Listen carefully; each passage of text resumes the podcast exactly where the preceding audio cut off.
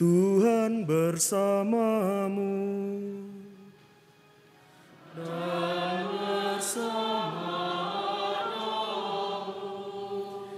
Inilah Injil suci menurut Matius.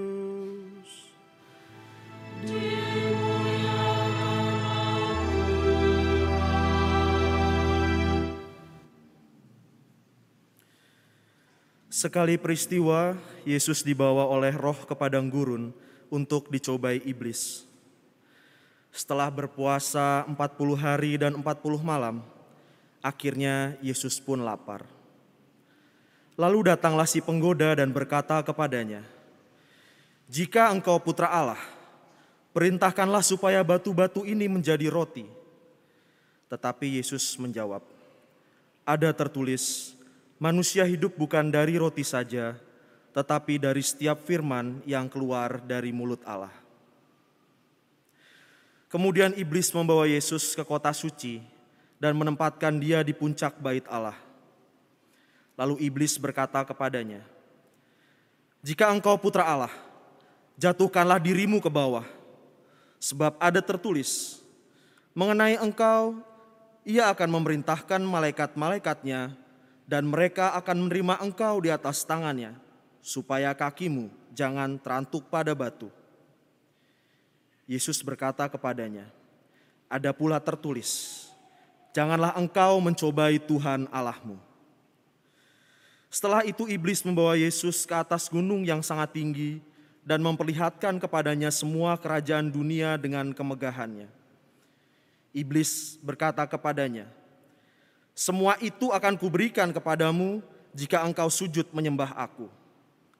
Lalu berkatalah Yesus kepadanya, "Enyahlah iblis, sebab ada tertulis, engkau harus menyembah Tuhan Allahmu dan hanya kepada dia sajalah engkau berbakti. Sesudah itu iblis meninggalkan Yesus dan lihatlah malaikat-malaikat datang melayani dia. Demikianlah sabda Tuhan.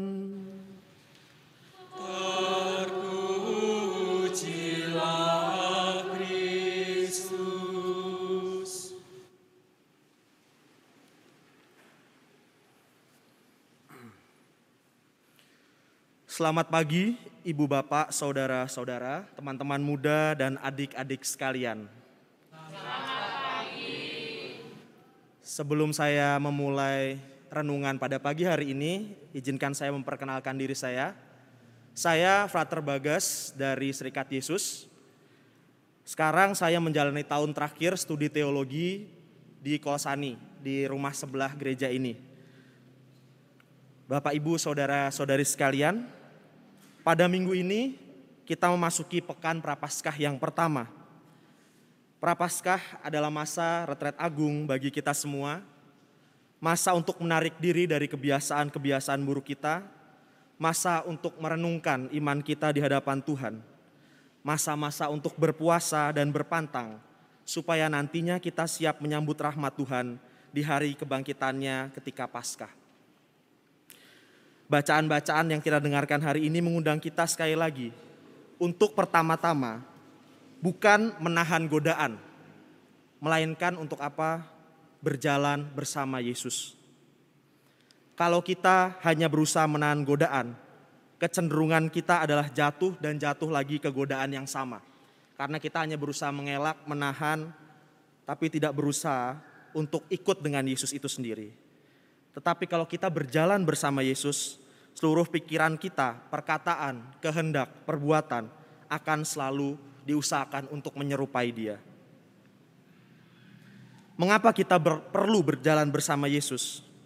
Pertama, kita sebagai manusia kerap kali menjadi si paling menghakimi diri sendiri. Artinya kita mendeterminasi diri kita sendiri, menjudge diri kita, menilai diri kita, sehingga bukan makin terbebas dari dosa, tapi kita makin jatuh ke dalamnya. Kita menjadi manusia yang tidak merdeka. Ada dua kemungkinan seorang menjudgment atau mendeterminasi dirinya sendiri. Pertama, jika seseorang merasa mudah untuk bersalah atau dalam bahasa lainnya scruple, Iblis akan mendorong orang itu untuk merasa dosa-dosanya makin besar. Kamu bukan orang yang pantas hidup, kamu orang yang tidak bisa diampuni.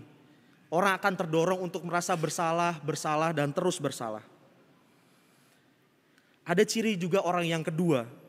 Jika orang yang merasa dirinya paling benar, ia akan didorong untuk merasa paling jumawa, merasa tidak berdosa, merasa tidak perlu mengaku dosa, karena dirinya merasa selalu ya tentu saja saya akan akan dibenarkan lagi oleh Tuhan.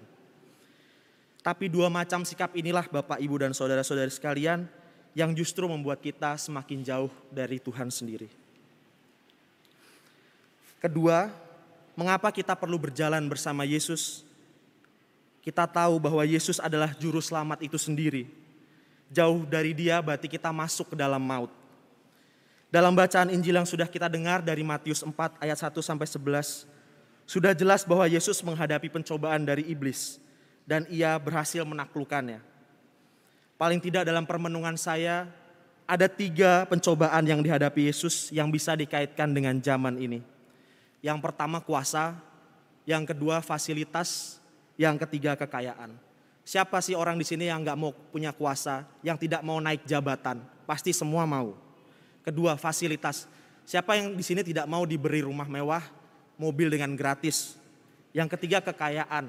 Siapa di sini yang tidak harus membayar pajak tapi langsung diberi uang sangat miliaran misalnya? Semua orang mau. Tapi kalau ketiganya ini bergabung, tentu saja kita akan hilang kehilangan diri kita sendiri. Zaman ini dengan kemajuan IoT atau Internet of Things membuat kita sulit untuk berhenti sejenak, berdiskresi, berefleksi, dan membawa dalam doa segala perkara hidup kita. Dengan kemajuan internet, seakan-akan segala hal dapat terjawab dan kita hanya bertanya pada kecerdasan buatan, seakan-akan mereka sudah bisa menjawab. Ya menarik zaman ini, terutama teman-teman muda yang mungkin sedang bersekolah atau kuliah. Sekarang skripsi saja sudah bisa dikerjakan oleh yang namanya chat GPT AI.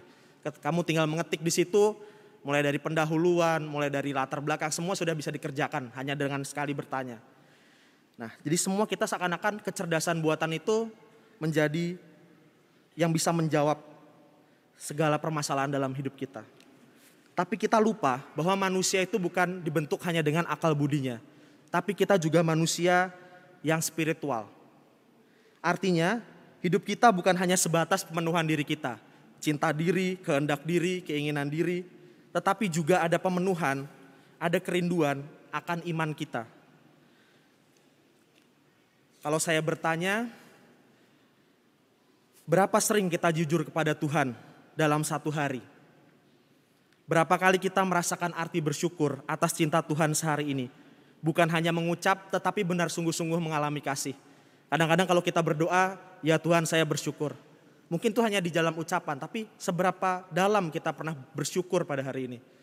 Masih diberi kesehatan, masih diberi kehidupan, masih bisa melihat anak, istri, suami, dan macam-macam hal ya di sekitar kita.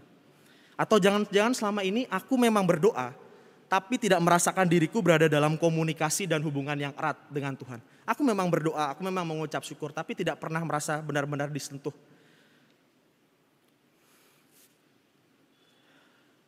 Baru saja saya menyaksikan sebuah film yang mungkin teman-teman di sini, terutama yang teman-teman muda sudah pernah melihatnya juga, atau mungkin belum, tapi paling tidak saya ingin bercerita. Film yang terbaru kita baru saja terbit di bioskop itu Jalan yang Jauh Jangan Lupa Pulang. Film ini menceritakan tentang kisah sebuah keluarga. Ada tiga orang anak. Yang pertama namanya Angkasa, yang kedua namanya Aurora, yang ketiga namanya Awan. Anak yang kedua itu pergi merantau ke negara Inggris. Dia pergi ke Inggris untuk belajar Hingga akhirnya di, di negara itu ia merasa mulai banyak cobaan yang datang. Bertengkar hebat dengan pacarnya, dengan teman-teman terdekatnya dia juga bertengkar. Bahkan ia menolak kedatangan kakak dan adiknya ketika mereka hendak mengunjunginya di sana. Angkasa dan Awan, si kakak dan adiknya ini merasa, kenapa ini si Aurora ini merasa terasa berbeda ya? Tidak merasa seperti keluarga sendiri gitu. Nah, dalam kalutannya itu angkasa, aurora dan awan merefleksikan dengan sangat baik. Jadi ada scene di akhir film itu ketika angkasa dan awan si adiknya yang terkecil itu mengajak Aurora untuk kembali ke Indonesia. Aurora bilang bahwa selama ini dia merasa asing dan tidak mengenal dirinya sendiri. Ia merasa asing justru dengan keluarga biologisnya sendiri. Justru di kota asing yang bernama London itulah ia merasakan artinya pulang ke rumah.